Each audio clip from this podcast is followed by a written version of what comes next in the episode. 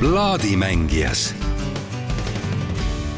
nii, hea Elmar kuulaja, oleme Psühhotegi plaadipoes ja Ahto Külvet on meile taas otsinud välja plaadi ja sedapuhku taas üks füüsiliselt väike, aga hingelt suur plaat. tere, Ahto! tere ja nii tore, et tulite. ja selline tõesti põnev plaat ja see on jälle mustvalge kujundus, et see on ka mulle tegelikult õudselt meeldiv, et kui on siuksed mustvalged plaadid, et see annab sellist lootust, et seal on sisule rohkem rõhku pandud kui välimusele. Ja see konkreetne plaat kõlab eesti keeles ja kui seda kuulata, siis tal on siuke natuke, natuke veider aktsent. ma mõnikord pidudel mängin seda, seda plaati, seda lugu, et bänd on Ava and the Cardos. Äh, loo nimi on Seiklema ja lugu ise on pärit aastast tuhat üheksasada kaheksakümmend viis Stockholmist. et kogu see kamp, kes siin seda laulu laulab ja lugusid mängib, on, on, on Rootsi eestlased ja kokku on bändis üks, kaks, kolm, neli, viis, kuus, seitse, kaheksa, üheksa inimest. üheksa inimest, see ei ole väike bänd. Ja kui seda kuulata, on väga catchy, et iga kord, kui ma peol mängin, siis inimesed hakkavad kaasa tantsima. Samal ajal ma näen, kuidas neil hakkab silm tõmblema, sest nad ei saa aru, et mis lugu see on ja kust ta tuleb. siis ka refrään siin nagu töötab kaasa, et sa lõpuks nagu laulad seda kaasa lõpus onju ja legend räägib, et see olevat siis ainukene äh, väliseesti plaat või Eestis, Rootsis väljendatud plaat, mis jõudis kuskile edetabelitesse selle looga mingisse indie edetabelisse. ma tegelikult arvan, et see on väljamõeldud lugu, et seda ei ole juhtunud, ma ei näe, et oleks võimalus, et Rootsis eestikeelne lugu jõuaks kaheksakümne viiendal aastal kuskile edetabelisse, aga mine tea, onju.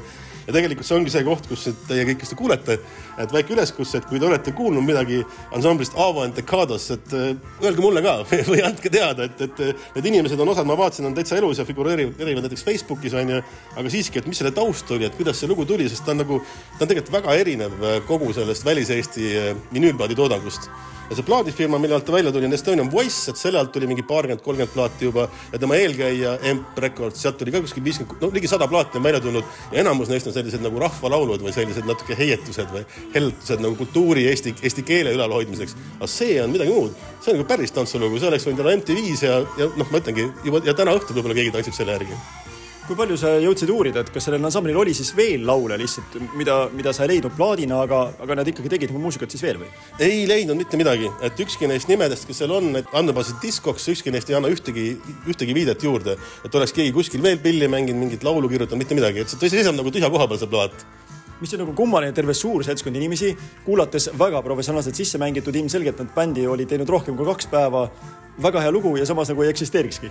ja aga selliseid ühe, ühe plaadi bände muidugi on palju. kahju, et see see bänd on ühe plaadi bänd onju, aga noh, vaata me nüüd mitte hiljuti rääkisime ka Reedast, eks ju, et Reeda plaadist, et väliseesti plaadist, seal tihtipeale nende inimeste, kes selle muusika tegid, nende äh, ambitsioonid olid hoopis mujal et nad kas tahtsid siis Eesti kultuuri üleval hoida, õppida, õpetada, aga et nagu muusikuteed minna eesti keeles välismaal, no teate, see ei olegi tegelikult realistlik, onju. et see on väga suur töö tegelikult ju muusikule, eriti kui nüüd üheksa liikmelist bändi e, väliseesti bändi hoida, väga keeruline, et kuidas nad selle publiku leiaksid, onju. nüüd küll võib-olla, kuigi Eesti turg on ka väga väike, eks ju, üleüldse ka praegu, aga siiski noh, see on palju suurem potentsiaal kui siis Välis-Eestis, Rootsis kaheksakümmend viis, kui sa tegelikult ei, võib-olla ei arvanudki, et see Eesti kunagi vabaks saab, onju, keegi kunagi kuulab seda lugu.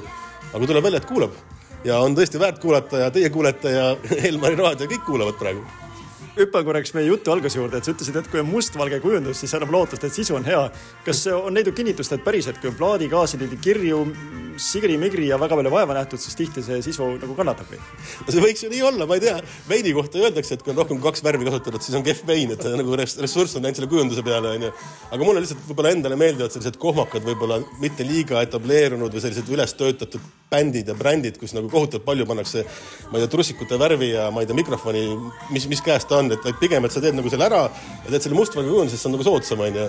samamoodi ma olen ka öelnud, et mulle kõik meeldib singlite B-poole esimesed lood, sest nad on sellised nagu üleliigsed natukene. et need plaadid on ka natukene võib-olla sellised potentsiaaliga üleliigsed, kui ikka liiga palju asju kaasas on, klepse ja ma ei tea, Hampelmann ja siis noh, minule see plaat võib-olla juba, juba eos natukene ei meeldi. üleprodutseeritud ühesõnaga aga enne kui hakkame lugu kuulama uuesti, niisiis üleskutse, et tõepoolest kõik, kes teevad midagi ansamblist Avo Entecados ja välis-Eesti punt tegutses Rootsis tõenäoliselt aastal tuhat üheksasada kaheksakümmend viis. andke meile teada, kirjutage siis meile või kirjutage sulle otse plaadipoodi. täpselt nii, ootan põnevusega, aitäh juba ette